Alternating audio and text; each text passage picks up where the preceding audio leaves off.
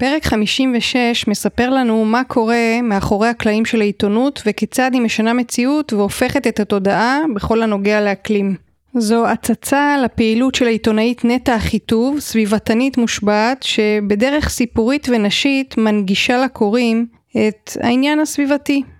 רגע לפני שנתחיל מזכירה לכם שכדי שהפרקים הבאים יגיעו ישירות לפלאפון, לחצו על עוקב עוקבת וגם ייכנסו לקבוצת הפייסבוק שלנו. פרק 56 בפודקאסט סיפור ירוק בחסות עמותת שינוי אקלים, פתיח ועפנו. אתם מאזינים לסיפור ירוק, אנשים, סביבה, השראה. כאן נפגוש יזמי אקולוגיה מרתקים שהובילו מאבק, הגו רעיון או חוללו שינוי. נהיה בצד של התקווה וההשראה. נתעורר כולנו לאחריות, אכפתיות ושמירה על העולם. אני מאיה הודרן, סופרת, מטפלת בכתיבה, מרצה ופעילה סביבתית, ובאתי להרים אותנו עם סיפור ירוק, פודקאסט אקולוגי אופטימי במיוחד. אז היי לנטע אחיטוב, עיתונאית בהארץ ובעלת תואר שני בלימודי סביבה. שלום מאיה. אה, נתחיל מהעניין העיתונאי. בשמחה. איך נהיים עיתונאים? סתם, לא, איך נהיים עיתונאים על משהו, על נישה כזאת ספציפית? וואו, את רוצה ממש מההתחלה? אה, כן, ממש. אז נתחיל מההתחלה. אה, אז אה, בתור ילדה מאוד מאוד אהבתי חיות, גם היום, זאת אומרת בעלי חיים זה הקטע שלי, יש לי איזה אהבה בלתי מוסברת אליהם מיום היוולדי. וכאחת שכל כך אוהבת חיות חשבתי שאני אהיה וטרינרית. בישראל למזלי אין לימודי וטרינריה החל מתואר ראשון אפשר להתחיל את זה רק מתואר שני אז צריך איזשהו תואר או בכימיה או בביולוגיה. אז הלכתי ללמוד ביולוגיה. מהר מאוד הבנתי שזה לא כל כך רומנטי. ממש לא מעניין. כן, ללמוד אה, רשימת אנזימים וגם עבדתי במקביל בקליניקה של וטרינר וראיתי שזה לתת חיסונים לכלבים וחתולים ולא הרומנטיקה של אה. של הצלת אה, הטבע שדמיינתי. ואז בדיוק קבוצת הארץ פתחה, אני לא יודעת אם את זוכרת אבל היה עיתון תזה זה עיתון סטודנטים כן. כזה מאוד פופולרי אז קבוצת הארץ פתחה מתחרה קראו לזה דופק ואיתרו סטודנטים שיודעים לכתוב כדי לכתוב שם. ואיכשהו אה, הותרתי וכתבתי כסטודנטית לביולוגיה על נושאים ביולוגיים, אבל איך שכתבתי את הפסקה הראשונה התאהבתי וידעתי שזה מה שאני רוצה לעשות וואו. בחיים. כן, זו הייתה ממש אה, התאהבות, אה, אי אפשר היה לעצור אותי. זו גם לא שפת האם שלך. אה, נכון, אנחנו מדברים בבית עברית, זאת אומרת עברית אה, כן, אבל כן, נולדתי בקנדה, אבל תמיד מאוד מאוד אהבתי לקרוא, קראתי כל ספר שיכולתי לשים את ידי עליו, וגם מאוד אהבתי לכתוב, אבל לא חשבתי שאפשר לעשות מזה מקצוע.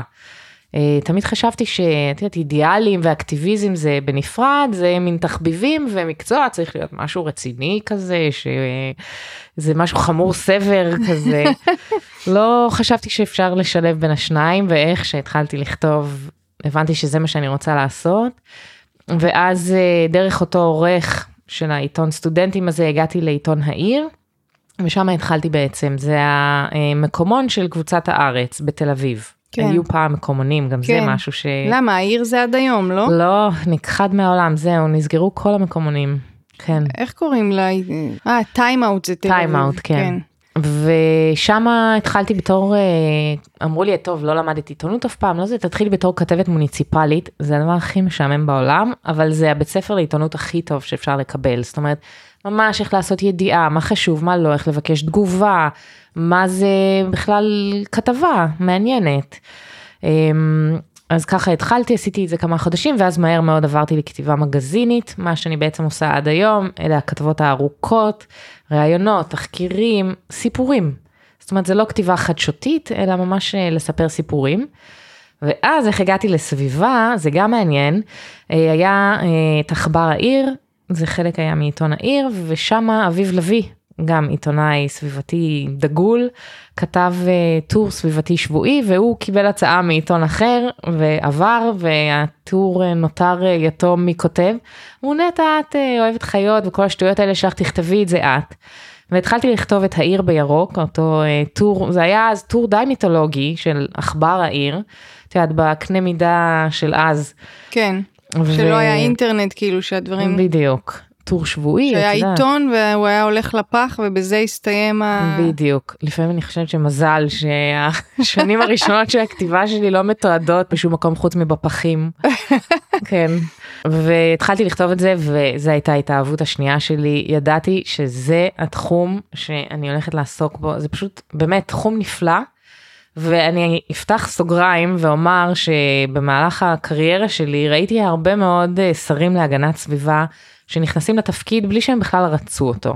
זאת אומרת הם קיבלו אותו כי לא נשאר שום תיק אחר כן, זה ולא הייתה כזה. בדיוק. וראיתי את אותו הדבר קורה להם מה שקרה לי הם פשוט מתאהבים בתחום הזה זה תחום שאי אפשר לא להתאהב בו אם יש לך לב טיפה רחום כי הוא כל כך כוללני יש בו הכל והוא גם כל כך הגיוני זאת אומרת פשוט זה הגיוני יותר להיות סביבתי ואם נניח כלכלה מעניינת אותך אז הסביבה יש לה פתרונות. אם אופנה מעניינת אותך הסביבה יש לה פתרונות. אם את אוהבת חיות אם את אוהבת טבע אם את בכלל בן אדם עירוני לכל דבר יש לסביבה פתרונות והם תמיד הכי הגיוניים והכי מלאי חסד ויופי אז מי שהוא באמת טיפה מבין משהו מתאהב בזה. כן, אני אז- גם מרגישה ככה עם הפודקאסט הזה, שבאמת זה לא פודקאסט על סביבה רק, אלא ממש כל תחומי החיים והכל קשור בהכל. כן.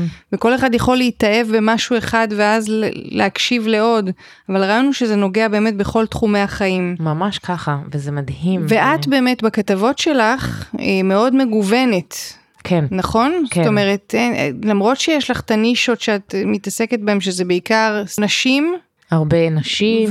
וסביבה, כן. עוד משהו? הרבה חברה, בשנים האחרונות אה, קצת ענייני הורות ומשפחה, זה גם בגלל איזה תפקיד בעיתון שקיבלתי לערוך אה, את מדור המשפחה שם לשנתיים. כן, הרבה פילוסופיה. בעצם בסופו של דבר הלכתי לעשות תואר שני בלימודי סביבה, והתזה שלי הייתה על פילוסופיה של סביבה. אה, היה לי מנחה שהוא פילוסוף ומנחה שהוא סביבתן, וביחד אה, כתבתי תזה על אה, המושג פיתוח בר קיימא לפי ניתוח של פוקו, משהו מאוד מאוד אה, פילוסופי. אז אני מאוד אוהבת גם את התחום הזה והרבה עוסקת בזה.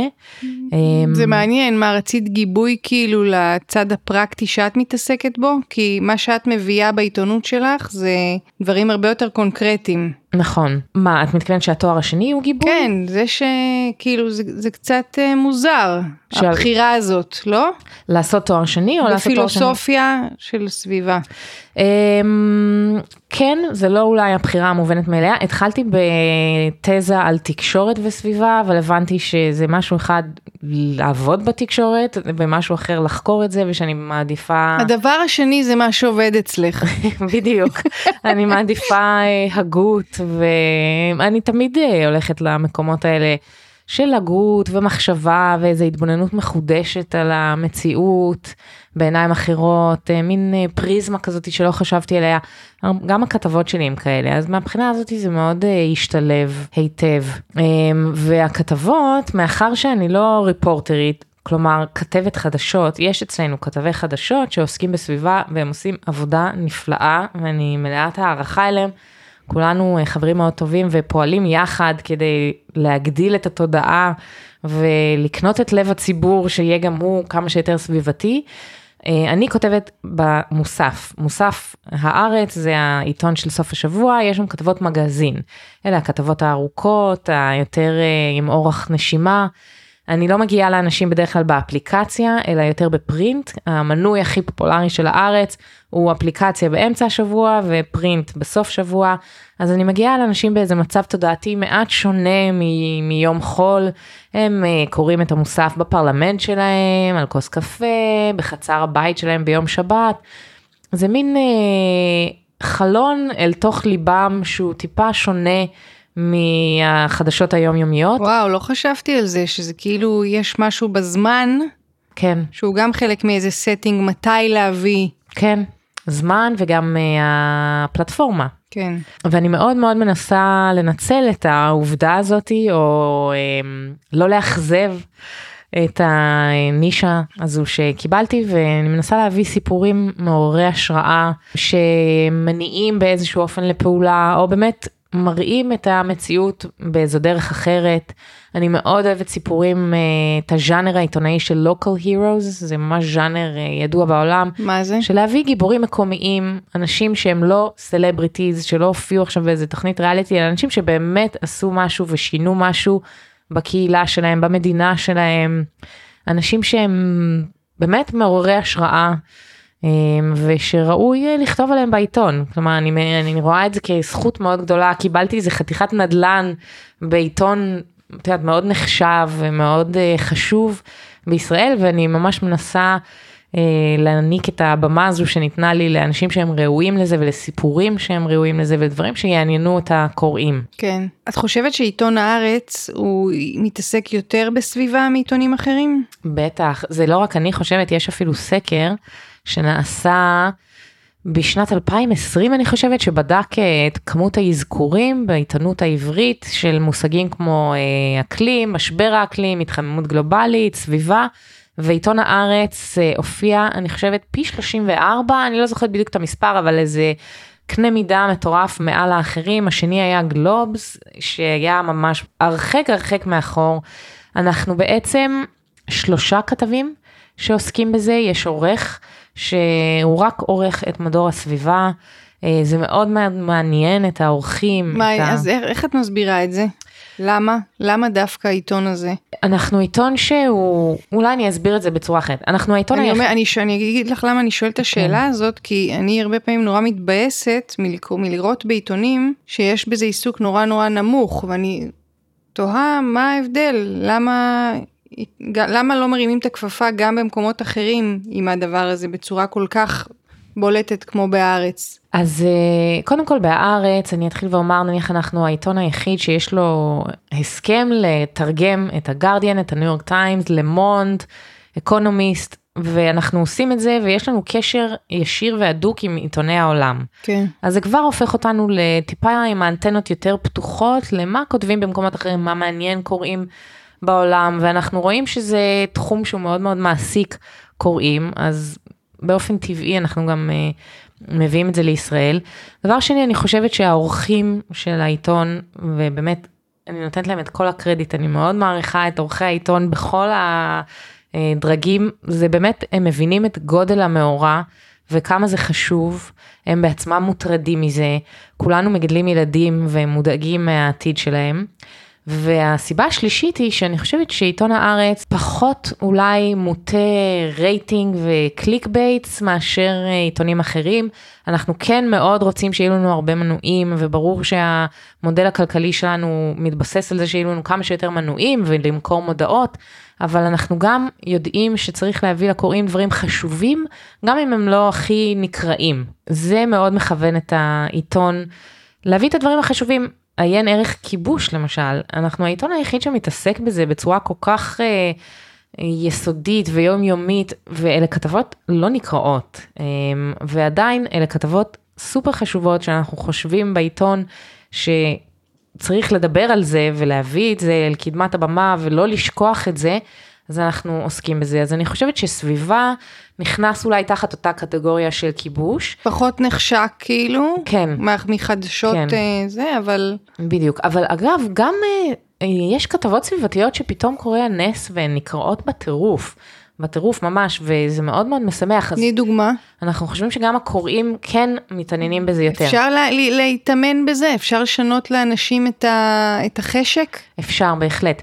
אני אתן לך אה, דוגמה מהשבוע האחרון ודוגמה מיום העצמאות לפני שנתיים וחצי. אני כתבתי כתבה על אה, בחור בשם יואב קרמר, הוא עורך דין שגר ברמת אביב, אין לו שום אה, כישורים תכנוניים, או הוא לא איזה סביבתן, את יודעת, הוא לא עומד בראש ארגון סביבה, ואיזה יום הוא גילה שעומדים לבנות שכונה בשטח הפראי.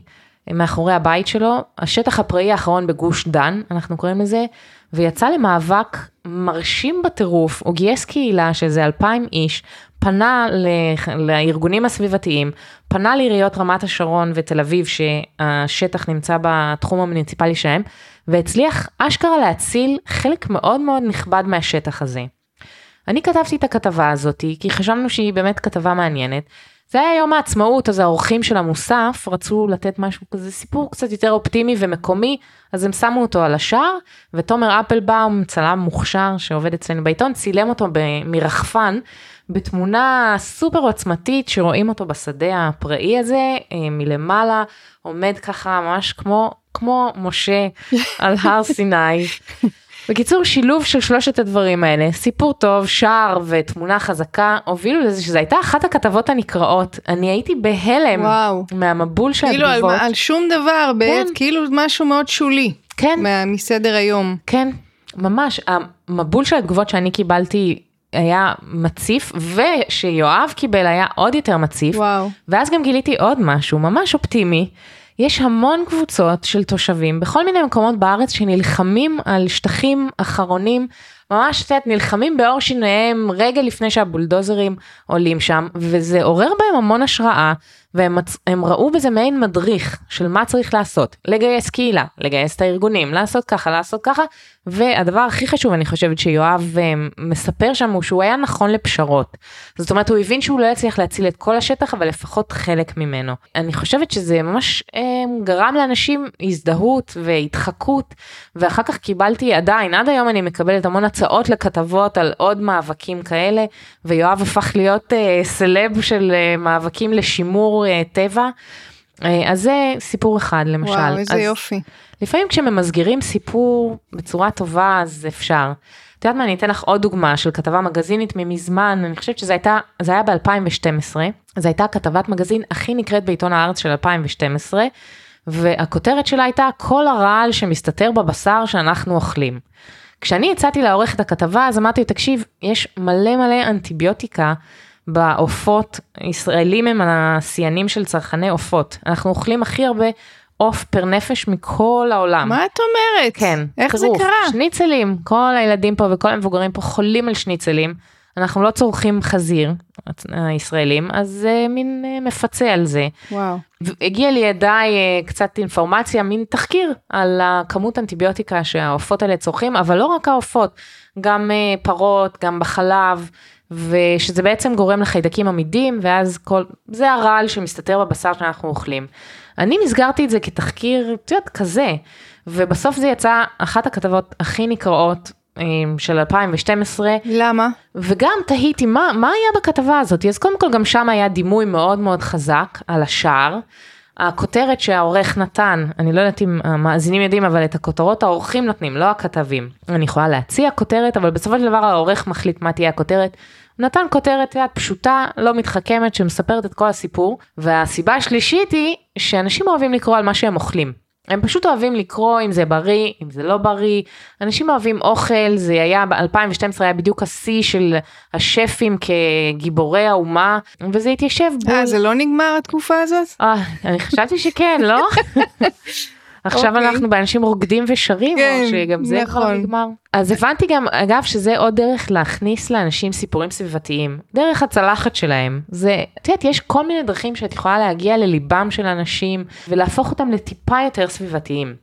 אז זה גם דרך הצלחת. והבטחתי לך גם דוגמה מהשבוע האחרון. כן. ניר חסון, אחד הכתבים הכי טובים בארץ, הוא גם כתב ירושלים, גם כתב ארכיאולוגיה, ובשנים האחרונות גם כתב של עניינים סביבתיים ואקלים, באמת, עיתונאי משכמו ומעלה, אה, כתב איזו ידיעה על כך שבהתנחלויות עומדים לקום לא פחות משישה פרויקטים של אה, פאנלים סולאריים, בעוד שפרויקט שהיה אמור להיות אחד הכי גדולים בארץ ליד אשקלון נסגר, הממשלה לא תקצבה אותו, בהתנחלויות עומדים לקום.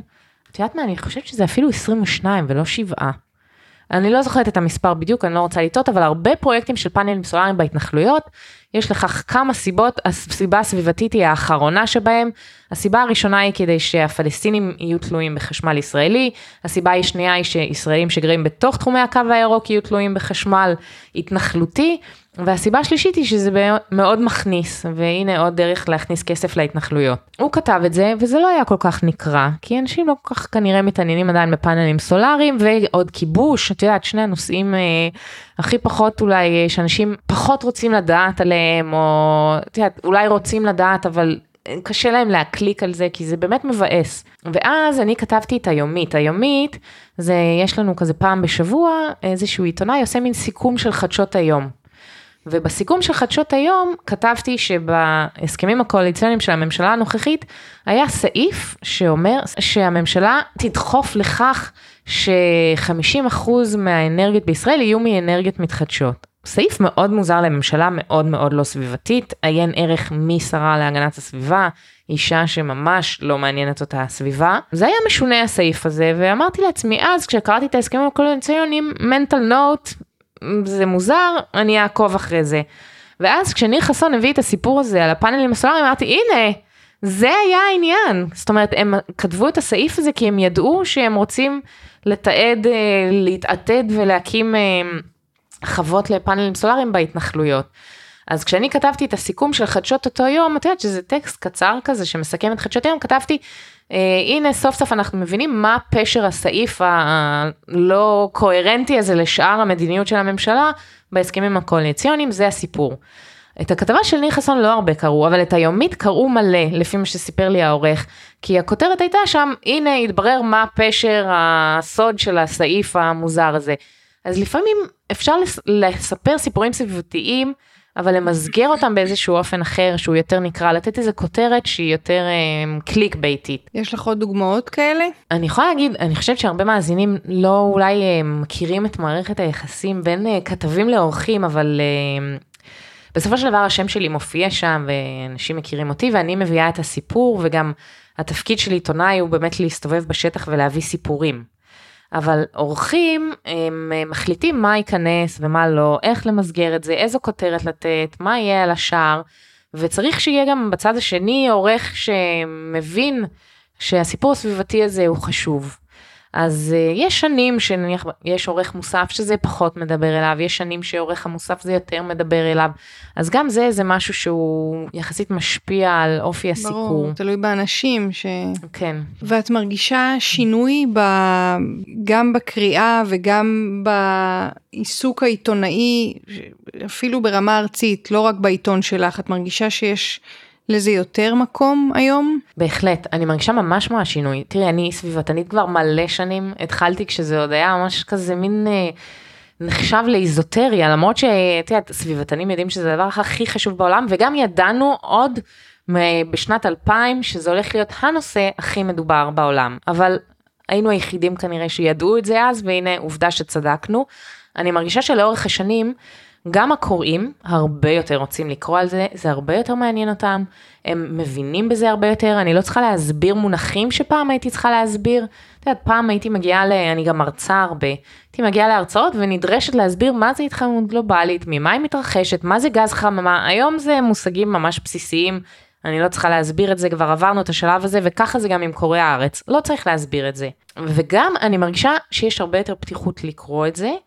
אני מרגישה שיש הרבה יותר תחרות בינינו העיתונאים מי מביא סיפורים סביבתיים, כשפעם אני הייתי היחידה במגזין וצפרי רינת היה היחיד בחדשות. היום אנחנו איזה ארבעה אנשים בעיתון שעוסקים בזה. אה, עד לא מזמן הייתה כתבת שהייתה כתבת אקלים, זאת אומרת כל מה שהיא עסקה בו זה רק אקלים, לצד צפרי רינת שהוא כתב סביבה, לצד ניר חסון שהוא כותב גם על סביבה.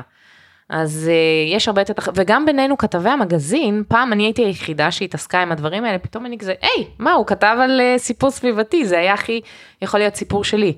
אני מאוד מאוד מברכת על זה, זה תפנית ממש ממש, לא תפנית, כמו אקומולציה, זאת אומרת משהו שקרה בהדרגה, זה מצוין ומעולה.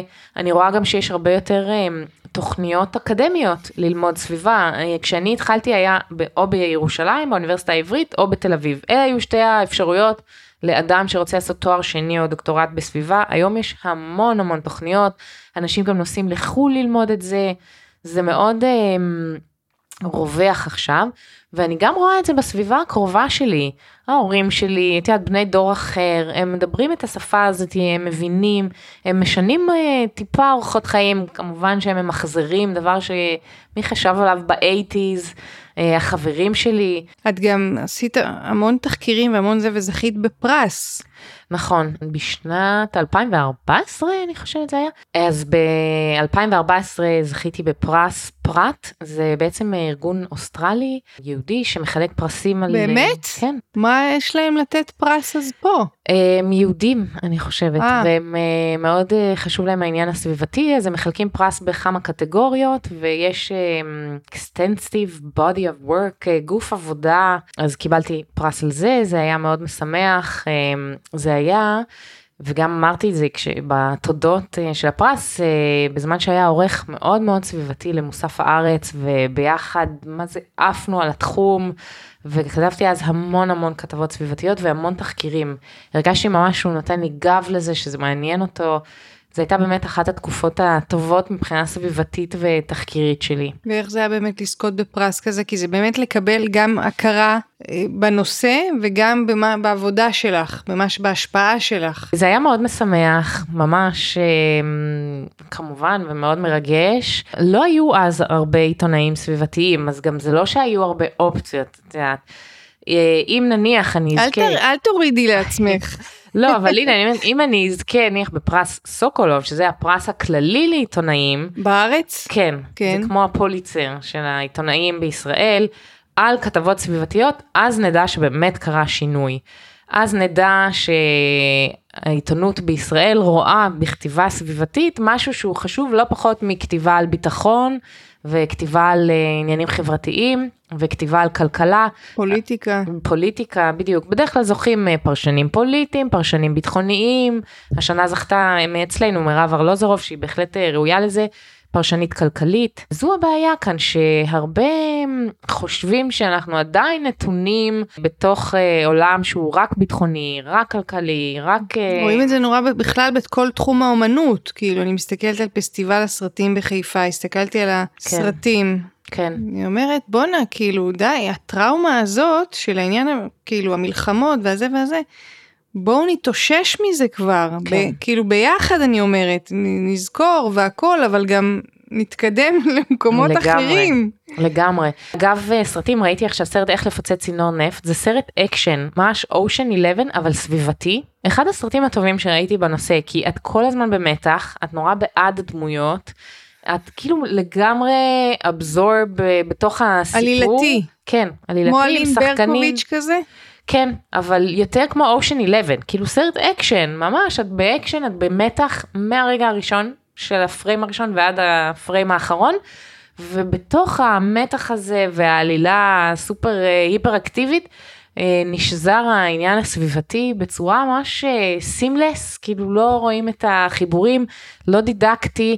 אמרתי, או, oh, הנה עוד דרך מדהימה לספר סיפור סביבתי. אה, אני ממש מחכה לאיזה רומן בלשי, אה, את יודעת, עם איזה תמה סביבתית, כאילו יש המון המון דרכים לספר את הסיפור נכון, הסביבתי הזה. נכון, ואני חושבת שגם האומנות מתעוררת מאוד לכ- לכיוון הזה, זאת אומרת, זה משהו שנהיה עכשיו עוד עניין להתעסק בו, באומנות. כן, לגמרי, זה תחום שהוא ממש קלאסי לאומנות, כי יש לך... אה, יש לך בעצם טרגדיה מאוד גדולה שמתרחשת, ויש לך גם את האופי האנושי, ההיבריס האנושי, לא סתם כתבו על זה כל כך הרבה מחזות, כבר היוונים גילו שההיבריס זה רכיב כל כך אה, חיוני לכל, אה, את יודעת, מחזה גדול.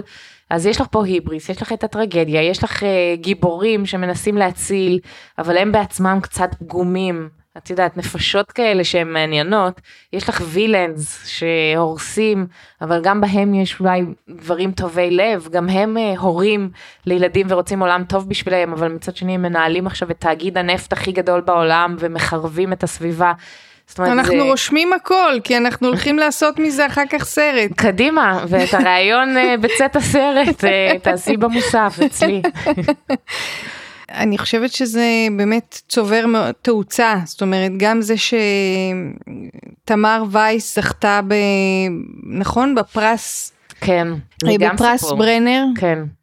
אה, תמר וייס גבאי כתבה ספר שנקרא חזאית, אה, נובלה ממש קצרה, את קוראת אותה באמת ביום. סיפור מדהים, הכל הוא סימבולי מאוד, אין אפילו שמות לדמויות, אין שם לעיירה שבה זה מתרחש, מה שהופך את זה למין איזה משל סימבולי, חצי סוריאליסטי, חצי ריאליסטי, כתיבה מבריקה, יפה, שפה יפה, אני uh, כותבת גם ביקורות ספרים, במוסף ספרים, אגב כל הקשר uh, בין uh, ספרות אומנות, כן. לעיתונות, לסביבה, סיימתי לקרוא את זה, רצתי, אני ממש זוכרת את הריצה שלי במסדרון של מערכת הארץ לעורך מוסף הספרים, אמרתי לו תקשיב, זה מבריק, זה סיפור מבריק, אנחנו חייבים לתת לזה במה מרכזית, זו נובלה מצוינת, אני יודעת שזו נובלה, אני יודעת שזו סופרת פחות מוכרת, זאת אומרת שני רכיבים שהופכים את זה לאולי את יודעת הכתבה השלישית במוסף, אבל זה באמת אה, לא קראתי כזה דבר כבר הרבה זמן, אמר לי יאללה בואי נלך על זה. עשינו מזה כתבת שער, אפילו הלכנו לצלם אותה, שזה בדרך כלל משהו שלא עושים בביקורות ספרים. זאת אומרת, מצלמים עם מישהי מתראיינת, אבל כאן כן. זה לא היה ראיון, אלא ביקורת על הספר שלה. שמנו אותה בשער, חגגנו את זה, אמרנו לקוראי הארץ, הנה, יש כאן מישהי שכדאי לכם לעקוב אחריה, יש כאן ספר שכדאי לכם לקרוא, זאת אומרת, ממש סימנו אותה, שזה גם משהו שעיתונות יכולה לעשות וראוי שהיא תעשה. זאת אומרת, להגיד, הנה, יש כאן איזה יהלום אה, נחבא אל הכלים ואנחנו ממליצים לכם לראות את זה. אחר כך היא זכתה בפרס ברנר, שזה מאוד משמח, פרס לספרות עברית, אחד הפרסים הנחשבים. ובדיעבד נאמר לי שאחד מחברי השופטים, ממש כזה בסיבוב האחרון אמר, קראתי איזה כתבה בשער של אה, מוסף ספרים על איזה נובלה וזה, בוא, בוא נקרא את הנובלה הזאת ונכניס אותה גם אה, לרשימה. הם קראו את הנובלה, כמובן עפו עליה, והנה היא זכתה.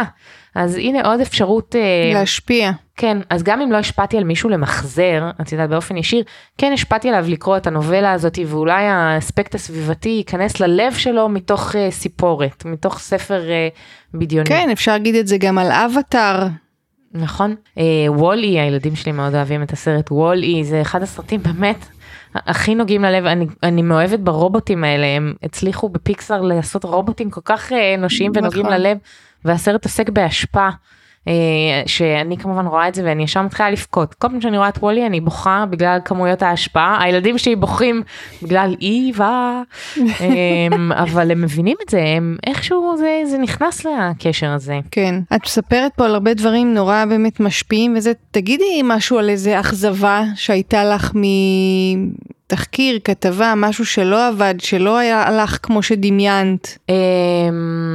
שלא נחשוב שהכל פה נכון. פורח וקצת אה, תאכזבי. אני יכולה לספר שתי אכזבות, אכזבה אחת אה, פנים אה, עיתונאית. אנחנו רוצים. פנים הארץ ואכזבה אחת ישראלית. אני אתחיל עם האכזבה הפנים עיתונאית. לא מזמן הגיע לפסטיבל הסרטים בירושלים אוליבר סטון, אבל לא עם סרט עלילתי מלא רוצחים ואקשן, אלא עם סרט דוקומנטרי סביבתי. הוא עכשיו נורא בטירוף של הביקוע האטום. זאת אומרת, יש דרך לייצר אנרגיה על ידי לקחת אה, בעצם חומר גרעיני ולבקע אותו, וזה מוציא הכי הרבה אנרגיה.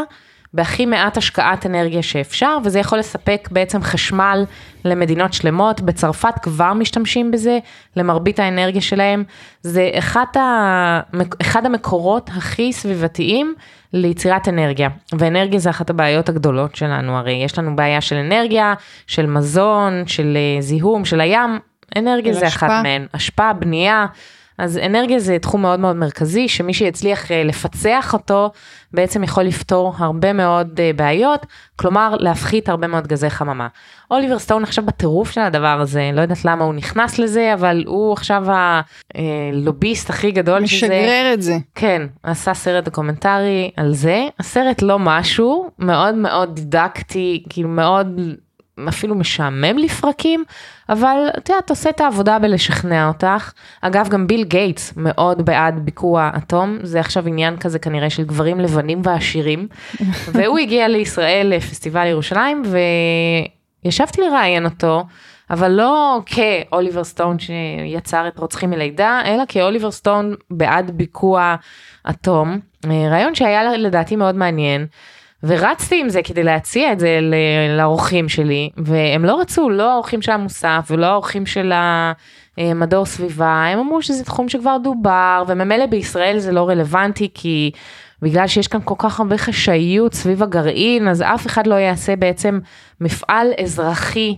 שעוסק בגרעין, וגם יש כאן כל כך הרבה חשש ו- ומין מיתוסים על גרעין, שזה לא יקרה, אז אין מה לדבר על זה, אז את יודעת, התאכזבתי שהנה איזשהו נושא לא הגיע לקוראים, ואולי הוא כן דווקא היה מעניין את uh, קוראי הארץ. אז יש גם כאלה, זה סתם דוגמה מהעת האחרונה, אבל יש הרבה דוגמאות של סיפורים שאני לא מצליחה לשכנע. או שהפיץ' שאני עושה לעורך הוא לא מספיק טוב, או שלא בשלה השעה, או שזה כנראה באמת סיפור שלדעת האורחים לא יעניין את uh, קוראי הארץ, ואני נאלצת uh, להמשיך הלאה.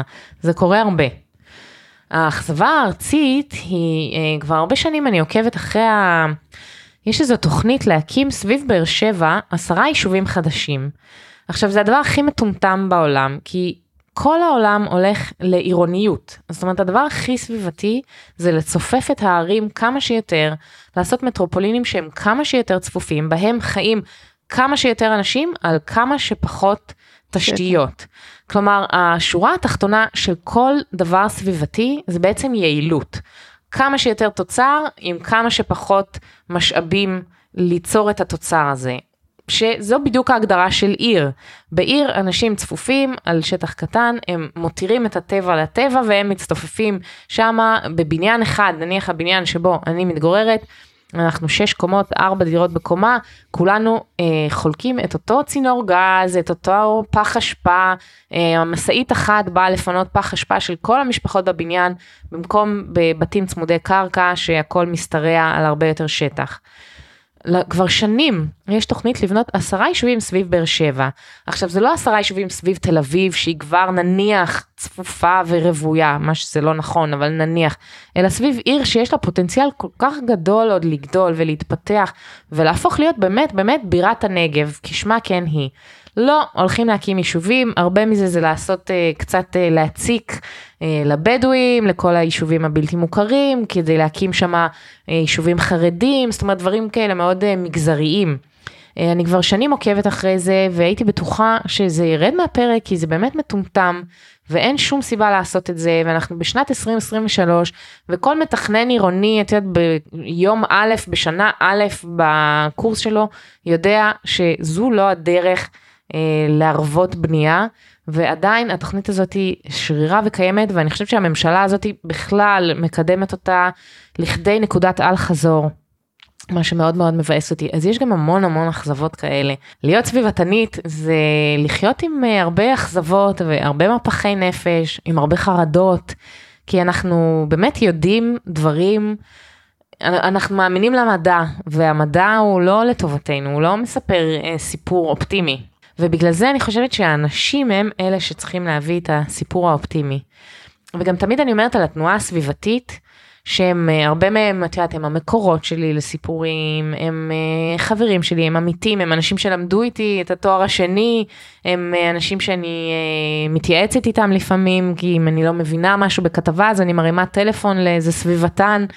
האנשים האלה הם האנשים הכי יצירתיים, הכי חכמים, הכי אופטימיים, מלאי תקווה, מלאי חסד וערכיים שאני מכירה, באמת, כי כדי להיות סביבתן, אתה צריך לדמיין עתיד אחר, עתיד טוב יותר, אתה צריך לרצות שיהיה פה טוב יותר, שיהיו ערים בריאות יותר, שהים יהיה לו טוב יותר, ים כמשהו שאנחנו לא רואים ולא מכירים, של, שלכל מיני חיות שמעולם לא פגשת ואין לך שום קשר אה, רגשי אליהם, אבל שיהיה להם טוב.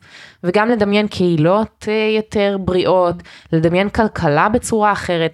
ואם כבר אנחנו מדברות על התנועה הסביבתית, אה, זו תנועה קודם כל זו התנועה האזרחית הכי גדולה שאי פעם קמה בהיסטוריה, שזה גם מדהים. אין מדינה שאין בה ארגון סביבתי.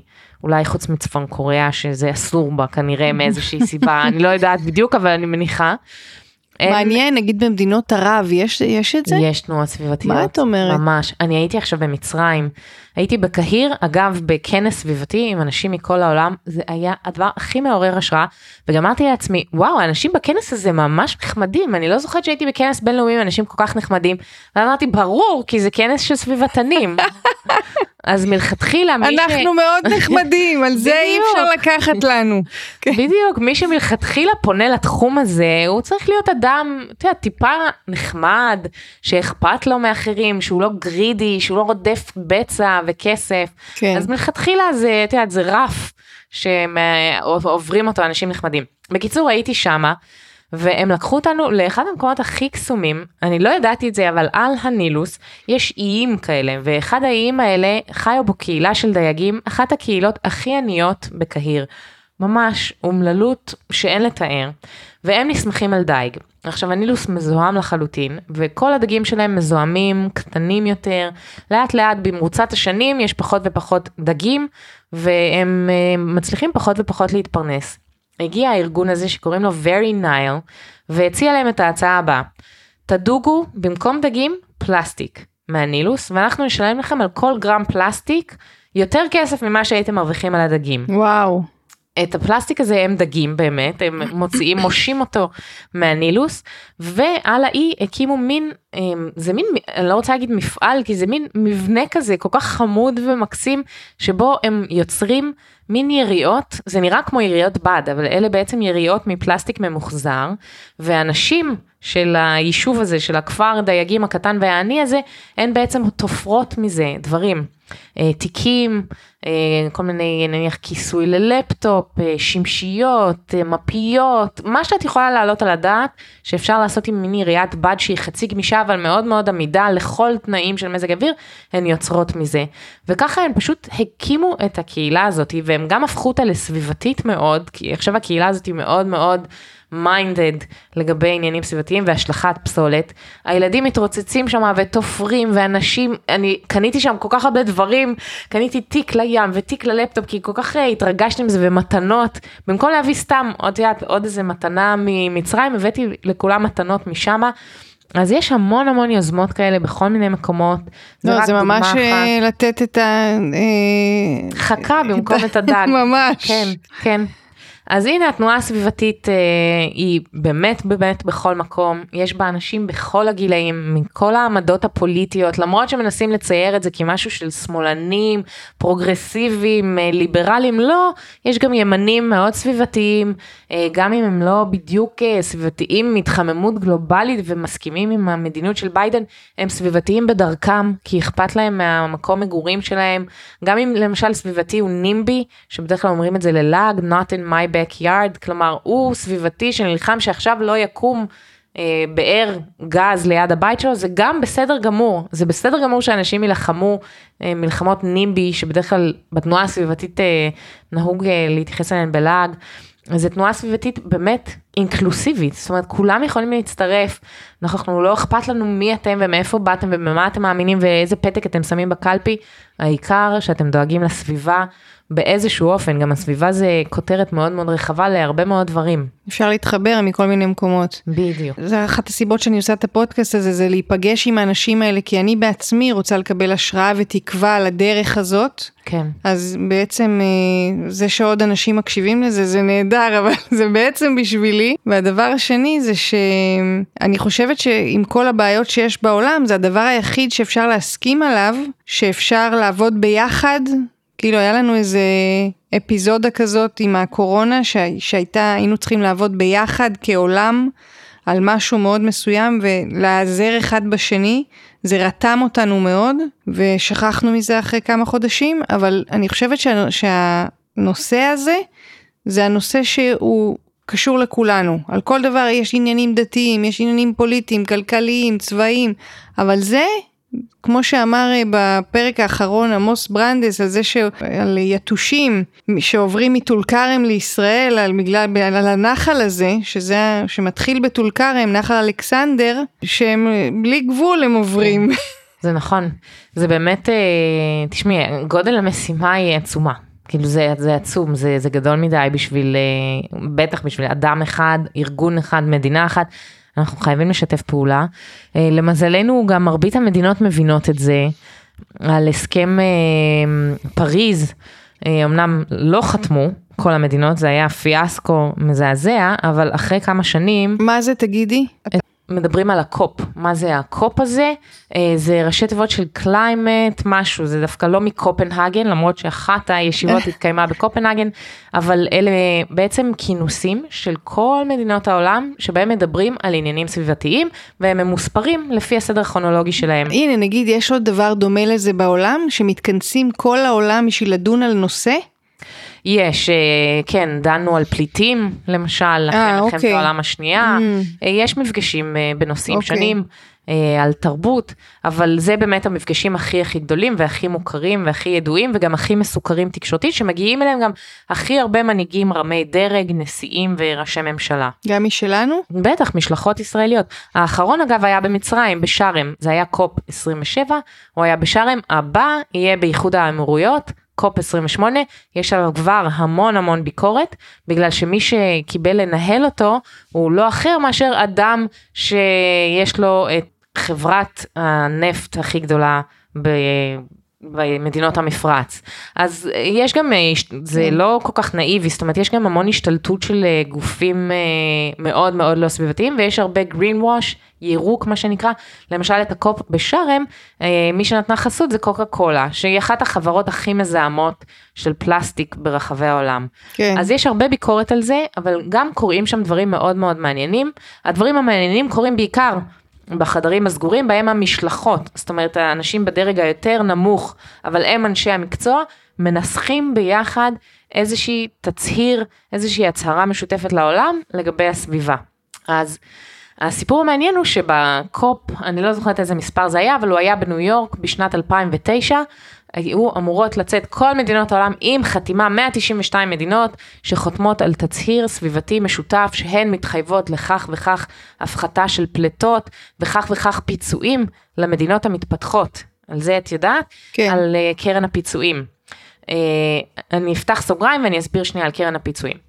המדינות המתפתחות, זאת אומרת מדינות עניות, נניח בדרום הגלובלי, אומרות זה לא פייר, לכם היה את המהפכה התעשייתית, זיהמתם כמו משוגעות, כל האירופאיות, אמריקה, ואנחנו אלה שמשלמות עכשיו את המחיר, ועכשיו אתם אומרים לנו שלנו אסור שתהיה מהפכה תעשייתית, גם אנחנו רוצים מודרניזציה. אז אומרים להם לא, אנחנו לא, ב- בוודאי שאנחנו בעד מודרניזציה, אנחנו פשוט רוצים שתקפצו כיתה. זאת אומרת שלא תעברו דרך הפאזה של הנפט, גז, פחם ודלק, אלא תקפצו כיתה לאנרגיות המתחדשות, וקרן הפיצויים היא זאת שתאפשר לכם לעשות את זה. אנחנו נפצה אתכם על הנזק שאנחנו גרמנו. סין וארצות הברית הן המזהמות הכי גדולות בעולם, 50% מפליטות גזי החממה מגיעות משתי המדינות האלה. אז הן משלמות הכי הרבה לקרן הפיצויים. למשל הודו, שהיא מדינה מאוד מאוד מאוד גדולה, זיהמה הרבה פחות במהלך השנים, אז היא מקבלת מקרן הפיצויים. כמו גם מדינות איים שמוצפות, הן מקבלות הרבה מאוד כסף מקרן הפיצויים הזאת, ובצדק. זאת אומרת, זה הדבר הכי צודק ונכון והגיוני כן. לעשות. ב-2009 כל מדינות העולם היו אמורות לחתום, בום, ריבים, לא חותמות, אין, לא מסכימות לחתום, זו הייתה אחת על? האכזבות על תצהיר משותף של כל מדינות העולם באשר לסביבה ולהפחתת פליטות גזי חממה. אוקיי. לא חותמות, אכזבה נוראית. איך? אני לא מבינה את זה, איך? הן רבו על קרן הפיצויים שם ועל כמות ההפחתה, וסין לא הסכימה, שאם ארצות הברית לא תפחית, ומין, זה תגרנות כזאת. כן. כן, זה נורא קל לא להסכים, זה נורא נורא קל לא להסכים. ולהגיד, "אה, זה לא אחריות שלי, זה אחריות שלך. אמ, זה היה ממש אסון ואכזבה נוראית לכל ארגוני הסביבה. ואז מינו את אחת הנשים שאני הכי אוהבת בתחום הסביבתי וזו לא גרטה טונברג למרות שגם אותה אני מאוד מעריכה תכף נדבר גם עליה אבל מינו אישה בשם קריסטינה פיגוארס היא אישה לטינית שמחה אה, ממש יצירתית חיובית לא כמו אנשי טוב, הסביבה המדוכאים. בדיוק, בדיוק. אישה צוהלת כזאתי, והיא מינתה אה, תחתיה המון נשים, אני לא זוכרת אם זה תשע או תשע עשרה, אבל צוות של נשים שנפוץ לכל עבר. היה להם חמש שנים לשכנע את כל מדינות, את כל מדינות העולם לחתום על ההסכם הבא בפריז, שהוא היה ב-2016. הן נפוצו לכל עבר, הן שכנעו את כל המדינות, והסכם פריז, אשכרה 192 מדינות העולם חתמו עליו. וואו. לראשונה בהיסטוריה כל מדינות העולם מסכימות על תוכנית להפחתת פליטות גזי חממה ולהתמודדות עם המשבר הגלובלי. עכשיו אפשר לומר זה רק הצהרה, הן לא עומדות בהתחייבויות, נכון, כל הדברים האלה נכונים ואני הראשונה שתסכים. אגב, גם ישראל חתומה ומעולם מעולם לא עמדה בהתחייבויות שלה. אנחנו עכשיו, דיברנו על זה מקודם, אמורים להפחית 50% לפי uh, ההסכמים הקואליציוניים, אנחנו בקושי עומדים על 17. כן. המצב שלנו די על הפנים. אבל יש משהו בהצהרה המשותפת הזאת, שאגב, תודעה, כן. מזיז את הדברים קדימה. מזיז מאוד את הדברים קדימה וזה מאוד מאוד חשוב.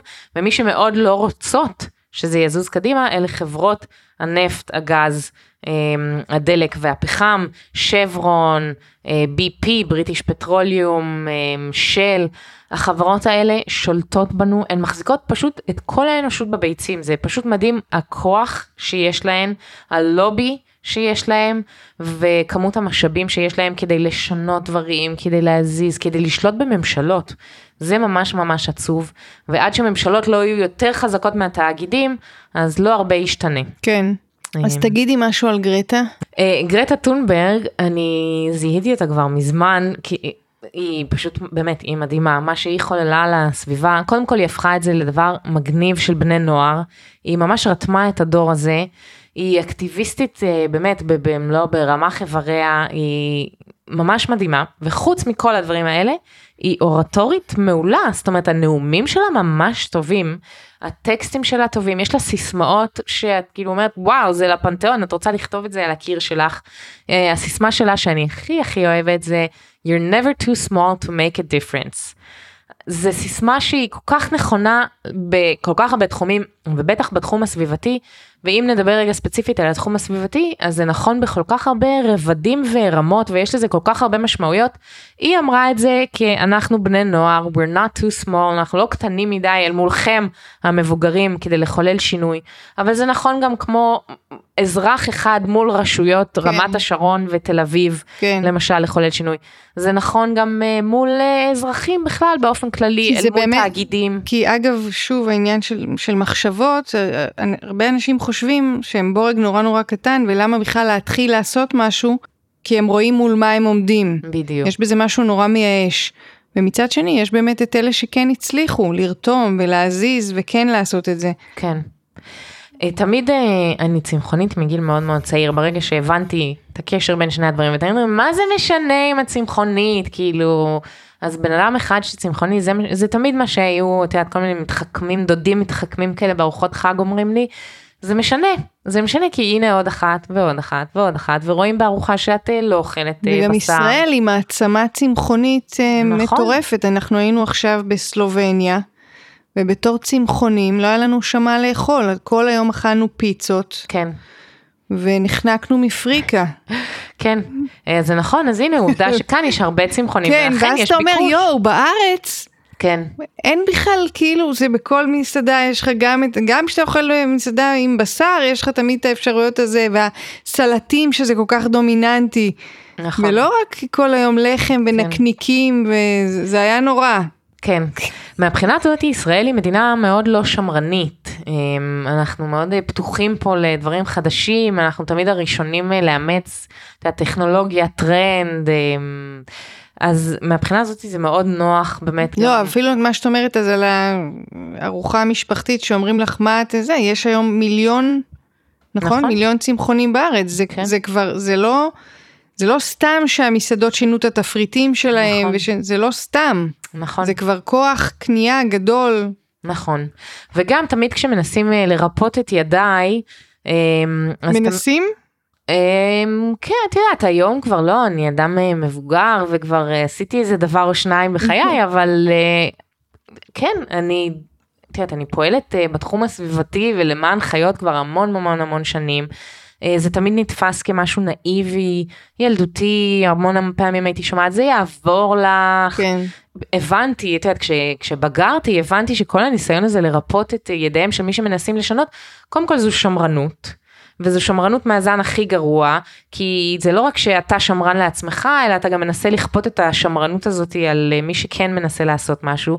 ודבר שני, כשאומרים לי נאיבית, זה כאילו איזה לעג, את יודעת, יפת נפש, נאיבית, זה אמור כאילו לשים אותך באיזה עמדה לועגת? לא, להפך, הם אלה שצריך ללעוג להם, כי הם חושבים שלא צריך אה, לשנות, או שאי אפשר לשנות, ונאיביות היא לא...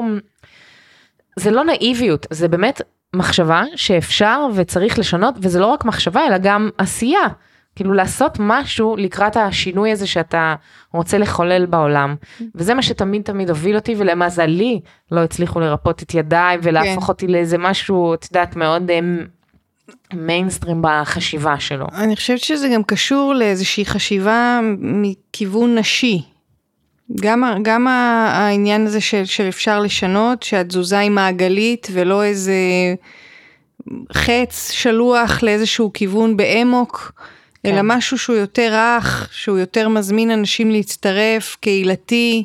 כן, מעניין שהעלית את הנושא הנשי, זה גם אה, תחום שאני הרבה עוסקת בו, יש מחקר אה, סופר מעניין שמראה שהחשיבה של נשים היא באופן טבעי יותר סביבתית מחשיבה של גברים. אנחנו באמת יותר אינקלוסיביות. גם בזה אנחנו מאשימות אותם? או... כן, תכף תקשיבי למה. אנחנו יותר אינקלוסיביות, אנחנו חושבות יותר על האחר, אנחנו חושבות על הצאצאים, אז על העתיד, זאת אומרת, מלכתחילה יותר טבעי לנו לחשוב בצורה סביבתית מאשר גברים. אבל כשזה מגיע לשולחן קבלת ההחלטות, אנחנו מה זה מיעוט שבמיעוט. אז כל מיני החלטות שמשפיעות על הסביבה שלנו, והן או החלטות סביבתיות פר אקסלנס, או החלטות שהן משפיעות על הסביבה, נניח החלטות תכנוניות, נעשות על ידי גברים שנעדרים, או שהחשיבה הסביבתית שלהם פחותה מאשר נשים, זה כבר מרגיז. אחר כך יש מחקר שוודי מרתק שנעשה בשנת 2021, ממש לא מזמן.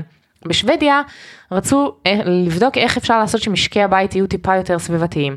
אז הם בחנו את ההוצאות של כל אדם ואדם בתוך משק הבית, כדי לראות איך אפשר, אתה יודע, טיפה להתערב שם, אבל הם גילו משהו אחר לגמרי ממה שהם התכוונו. הם גילו שנשים מוציאות הרבה פחות כסף על דברים שהם אה, מזהמים את הסביבה מאשר גברים. אני אתן לך ממש מספרים מדויקים, 70% מההוצאות של גברים זה או על תחבורה, דלק, כלומר מזהם, או על בשר, כלומר מזהם. בעוד שנשים, רק 30% מההוצאות שלהם הם כאלה. אז לא רק שאנחנו מוציאות על פחות דברים מזהמים, אנחנו גם לא יושבות בשולחן קבלת ההחלטות, ומחקר אחר מראה שאנחנו משלמות מחיר הרבה יותר גדול על הזיהום הסביבתי הזה. גם כי אנחנו מסתובבות במרחב הציבורי, אנחנו מטפלות בילדים ובהורים הקשישים שלנו במרחב הציבורי, וגם כי זיהום אוויר משפיע לרעה הרבה יותר על הגוף הנשי מאשר על הגוף הגברי. ואם רוצים לחפש את הישות האולטימטיבית, כאילו שהכי הכי הכי ניזוקה מההתחממות הגלובלית, זאת אישה במדינה ענייה. שצריכה ללכת לקחת מים, שאין לה חשמל, שצריכה לבשל עם כל מיני דברים מזהמים, שצריכה לאכול אוכל לא בריא. אז זה נשים וסביבה. כן, זאת אומרת, אני לא, לא דיברתי רק, רק על נשים, אלא באמת על זה איזשהו הלך מחשבה והתנהגות נשי. שמחפש שיתופי פעולה, שזה זה יכול להיות גם גברים שמתנהגים ככה. נכון, אני באמת, אה, אין לי שום דבר נגד גברים, כן. יודעת, אני נשואה לגבר, אני מגדלת אה, גברים צעירים ואני מתה על החברים שלי ועל הגברים בחיי, אה, והם מאוד אה, סביבתיים אגב, אח שלי, אה, אבא שלי, מחקרים מטבעם הם מאוד כוללניים, אבל זה לא אומר שום דבר על אנשים ספציפיים. נכון. זה מאוד מאוד חשוב לומר את זה. הזכרת את המשפחה, אז מעניין אותי אם יש התנגשויות בתוך המשפחה על כל מיני דברים. כמו אצלי למשל, אני אתן לך דוגמה, שנגיד אני נורא מתבאסת שהילדים רוצים לקנות כל מיני דברים. ואני אומרת להם לא צריך וזה כאילו מכניס לאיזה מין שיח מוריד. תראי לגדל ילדים כולנו יודעים מאוד שזה מזהם, דבר מאוד זה מזהם, טעות, מאוד. ש... כן. כן. אגב אומרים שהדבר הכי מזהם שאת יכולה לעשות זה להוליד אדם מערבי במעמד בינוני ומעלה. וואו. אמ, זה מאוד מאוד מדכא. אה, חשבתי על זה הרבה לקראת הילד כן? השלישי. כן. מה זה היה שיקול נגיד? כן. זה היה, זה עבר לי בראש, כן. כי אני יודעת את כל מה שאני יודעת, וגם בשני רבדים, גם שאני לא רציתי לתרום עוד לזיהום הסביבתי, וגם כי הם יגדלו בעולם אחר ויותר קשה ממה שאנחנו גדלנו, ולאיזה עולם אני מביאה את הילדים האלה. בסופו של דבר הבאנו ילד שלישי, זה היה חזק ממני, וגם אה, אלון טל, שהוא גם אחד הסביבתנים הגדולים, ויש לו המון המון נקודות בתנועה הסביבתית, והוא כתב גם ספרים אה, בנושא, ואחד הספרים שהוא כתב זה והארץ מלאה, שזה על הבעיה הדמוגרפית בישראל, אז הוא אמר לי, נטע, השלושה שלך זאת לא הבעיה. תביאי את השלישי זה יהיה בסדר הבעיה היא את יודעת משפחות עם שישה ילדים עם עשרה ילדים כן זאת כן. הבעיה כן. אז uh, קיבלתי גושפנקה ירוקה מאלון טל וואו זה אמ, כמו ללכת לרב כן אבל uh, המון מההחלטות שלי היומיומיות uh, אני חושבת על הסביבה. אני גם לא הבן אדם הראשון שהיית חושבת שהוא סביבתן, אני לא, יודעת, אני לא הולכת עם לא סנדלי נראית. שורש, כן. ואין לי רסטות. אני משתדלת תמיד להיות לבושה גם אה, מאוד אלגנטי, אבל אה, זה לא סותר. מרבית הבגדים שלי הם יד שנייה, זה מדהים, אני חושבת שבארבע השנים האחרונות לא קניתי, לא נכנס לי חנות וקניתי בגד חדש, חוץ מביום ההולדת שלי, אז אני הולכת ומרשה לעצמי בגד חדש. אין לנו אוטו, אנחנו חיים בדירה תל אביבית, ניידים באופניים ממקום למקום. הבעיה הכי גדולה זה הילדים והצרכים החומריים שלהם, הם מאוד מאוד רוצים לקנות ואני מבינה אותם, אני זוכרת את זה בעצמי בתור ילדה.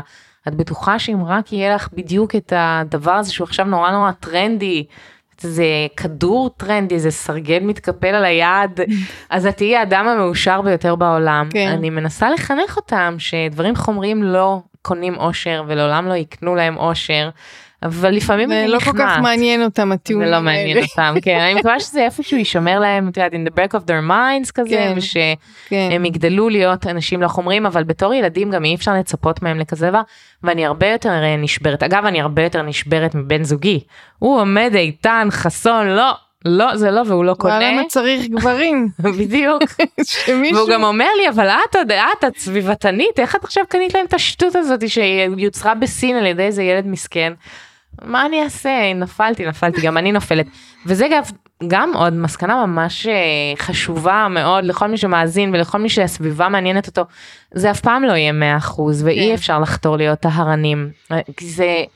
אי אפשר להלקות את עצמנו על uh, משגים ועל טעויות ועל מעידות, זה ממש ממש בסדר. תמיד אני אומרת שאני 90 אחוז אה, סביבתנית ומאפשרת לעצמי את ה...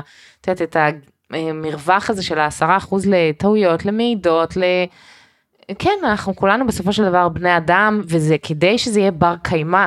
אחד המונחים שסביבתנים הכי אוהבים, כלומר שזה יימשך לנצח, האורח חיים הסביבתי הזה, אתה חייב אה, לאפשר לעצמך מעידות בלי להלקות את עצמך אה, נכון, יותר מדי. נכון.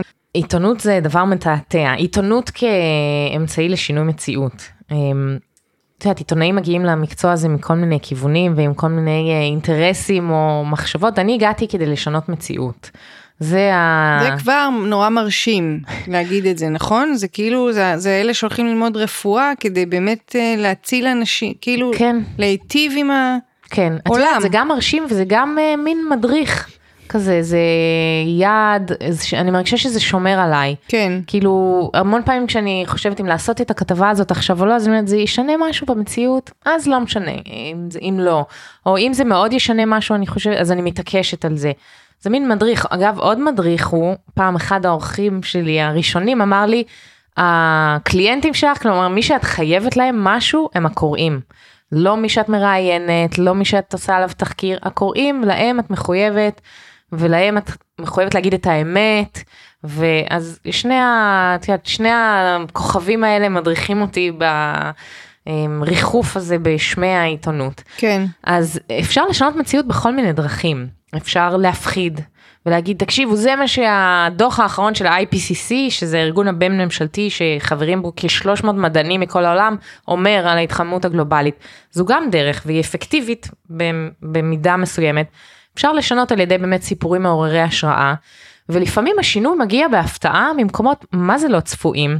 יש uh, בכל עיתון וכמובן בעיתון הארץ מדור דעות, את יודעת זה מדור מאוד מדובר ואני הרבה גם כותבת שמה, את יודעת כתבות קטנות כאלה של 400 מילה שזה דעה על משהו, את לא מדווחת חדשות, את לא מספרת סיפור, את חווה את דעתך על משהו במציאות. Uh, יום אחד uh, הבן שלי התחיל כיתה א' ויש צהרון. ושאלתי אותו, תגיד, איך אתם אוכלים בצהרון, או שהוא אפילו סיפר לי שהוא זרק את הצלחת של הצהרון לפח, לא זוכרת איך הגענו לדבר על זה, אבל ככה נודע לי שהם בעצם אוכלים בצהרון על כלים חד, חד פעמי, פעמי. אבל מהזן הכי, את יודעת, פושטי וגרוע. עכשיו זה גם לא בריא לילדים, כי לא הרבה אנשים יודעים את זה, אבל אם שמים אוכל, אוכל חם, חם, בטח. בדיוק, אז פטלטים, שזה חומר מאוד לא טוב, אה, יוצא מהם, וזה בטח ובטח לא בריא לסביבה, וגם, לא יודעת, זה עליבות לאכול מכלי חד פעמי, זה, זה לא משהו שהייתי מאחלת לילד שלי.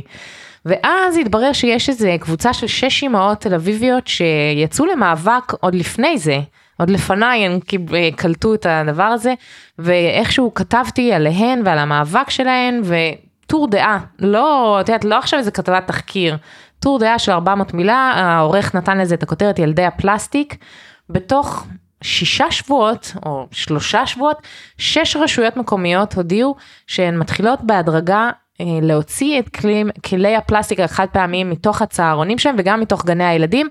ולהביא במקומות שזה אפשרי מדיחים וואו. לגננות כי אנחנו גם לא רוצים זה עוד עניין סביבתי אנחנו לא רוצים שעכשיו הגננות יעמדו וישטפו כלים. זאת אומרת אתה לא אמ, זה דב חנין לימד אותי. אתה לא הורג עוול אחד על ידי יצירת עוול אחר אלא אתה צריך לחשוב בצורה באמת הוליסטית חברה כלכלה וסביבה. לא סתם בר קיימא יש לו את שלושת העיגולים של חברה, כלכלה וסביבה. אז אנחנו לא רוצים שהגננות או מדריכי הצהרון עכשיו יתחילו לעבוד קשה, אלא אנחנו רוצים לפתור בעיה בלי ליצור בעיה חדשה. אז באמת את עיריית תל אביב, למשל, שם אני גרה, התחילה להכניס אה, מדיחים לאיפה שזה אפשרי, והדבר הכי מדהים, במקומות שזה לא היה אפשרי, היא חילקה מין אה, קופסאות רב פעמיות, שהילד פשוט שם בילקוט בסוף היום, בתוך שקית כזאת, ושמים את זה, אנחנו שוטפים את זה בבית, שמים במדיח בסוף היום. כשהילד שלי אחרי כמה חודשים חזר עם הצלה, עם הקופסה הרב פעמית הזאתי, אני הייתי האדם המאושר ביותר בעולם. וואו. מעולם לא שמחתי לשטוף כלי, כמו ששמחתי לשטוף את הקופסה הזאת. לעשות כלים, זה היה. פשוט, ראיתי את האור. בדיוק, אז uh, הנה את רואה פשוט שש אמהות שחברו, פלוס כתבה קטנה בעיתון, בום, את uh, משנה מציאות. מדהים. עוד מאמר דעה שלי שהייתי בהלם שהוא שינה מציאות היה um, לקראת הראשון בספטמבר אני פתאום מקבלת הודעה לעיתונות אה, את יודעת לפעמים מקבלים את ההודעות הגנריות האלה לעיתונות בראשון לספטמבר תיפתח עונת הציד. זה מה? מה? איזה עונת ציד? איזה ציד יש בישראל? אנחנו. את יודעת מה שהייתי צריכה לשפשט את עצמי שאנחנו לא במאה ה-19 באנגליה והמלכה יוצאת אה, לצוד אה, סלבים וואו. אז מסתבר שיש ציד בישראל, יש 3,000 ציידים אה, מורשים עם רישיון שמותר להם לצוד, ויש שישה מינים שהם מינים שמותר לצוד, ושלושה מתוך המינים האלה הם מינים בסכנת הכחדה. כל מיני ציפורים, סלבים, אגב, חוגלה, אחד מהם. וכתבתי איזה מאמר דעה, את יודעת, מאוד אה, גם אפילו טיפה ציני כזה, מה אנחנו, אה, אפשר לחשוב שאנחנו אנגליה, המשפט שאמרתי לך עכשיו. אה, גילה גמליאל הייתה אז השרה להגנת הסביבה, והיא קראה את זה, ולמחרת הוציאה שני מינים מתוך הרשימה מהאישור לצוד אותם, והבטיחה שעד סוף הקדנציה שלה היא תנסה בכלל להוציא את הציד בישראל מחוץ לחוק. זה היה באמת אחד השינויים המהירים. מה את אומרת? כן. אז את יודעת, לפעמים השינוי מגיע מאיזה מאמר דעה קטן, אה, הרבה פעמים שואלים אותי בהרצאות, אבל מי קורא הארץ? את יודעת, איזה מין... אה, אה, לגלוג כזה על עיתון הארץ, קודם כל יש המון קוראים לארץ, אנחנו באמת אה, בתקופה טפו טפו טפו טובה, עם הרבה קוראים והרבה מנויים, אבל לא זו התשובה שלי. אני יכולה להגיד לך שאני באופן אישי קוראת את הארץ, כי זה העיתון היחיד שמתייחס לסביבה במינון שאני מוכנה, שאני רוצה. כן. אני, אני בהלם מזה שזה לא הכותרת המרכזית בכל עיתון ותחנה, אני באמת, מסכימה כאילו, איתך. איך? איך? איך אנחנו מתעסקים בדברים אחרים? אני מסכימה זו איתך. הייתה הפינה שלי לענייני למה אני... פרסומת לארץ, שילמנו לך על זה. כן. אמ, אז אה, התשובה שלי היא גם שלפעמים זה לא נכון שאנחנו כותבים קודם כל לקוראים, אבל לפעמים יש קוראים שהם חשובים. אה, כמו למשל מבקר המדינה או מישהו במשרד מבקר המדינה. איזה יום התקשרתי למשרד מבקר המדינה לקבל תגובה על איזושהי כתבה שלי ואמרה לי מישהי שם אני לא מכירה אותה אבל אה את נטע אחיטוב מעיתון הארץ את יודעת שפתחנו שלושה דוחות של מבקר המדינה זאת אומרת שלוש חקירות של מבקר המדינה בזכות כתבות שלך.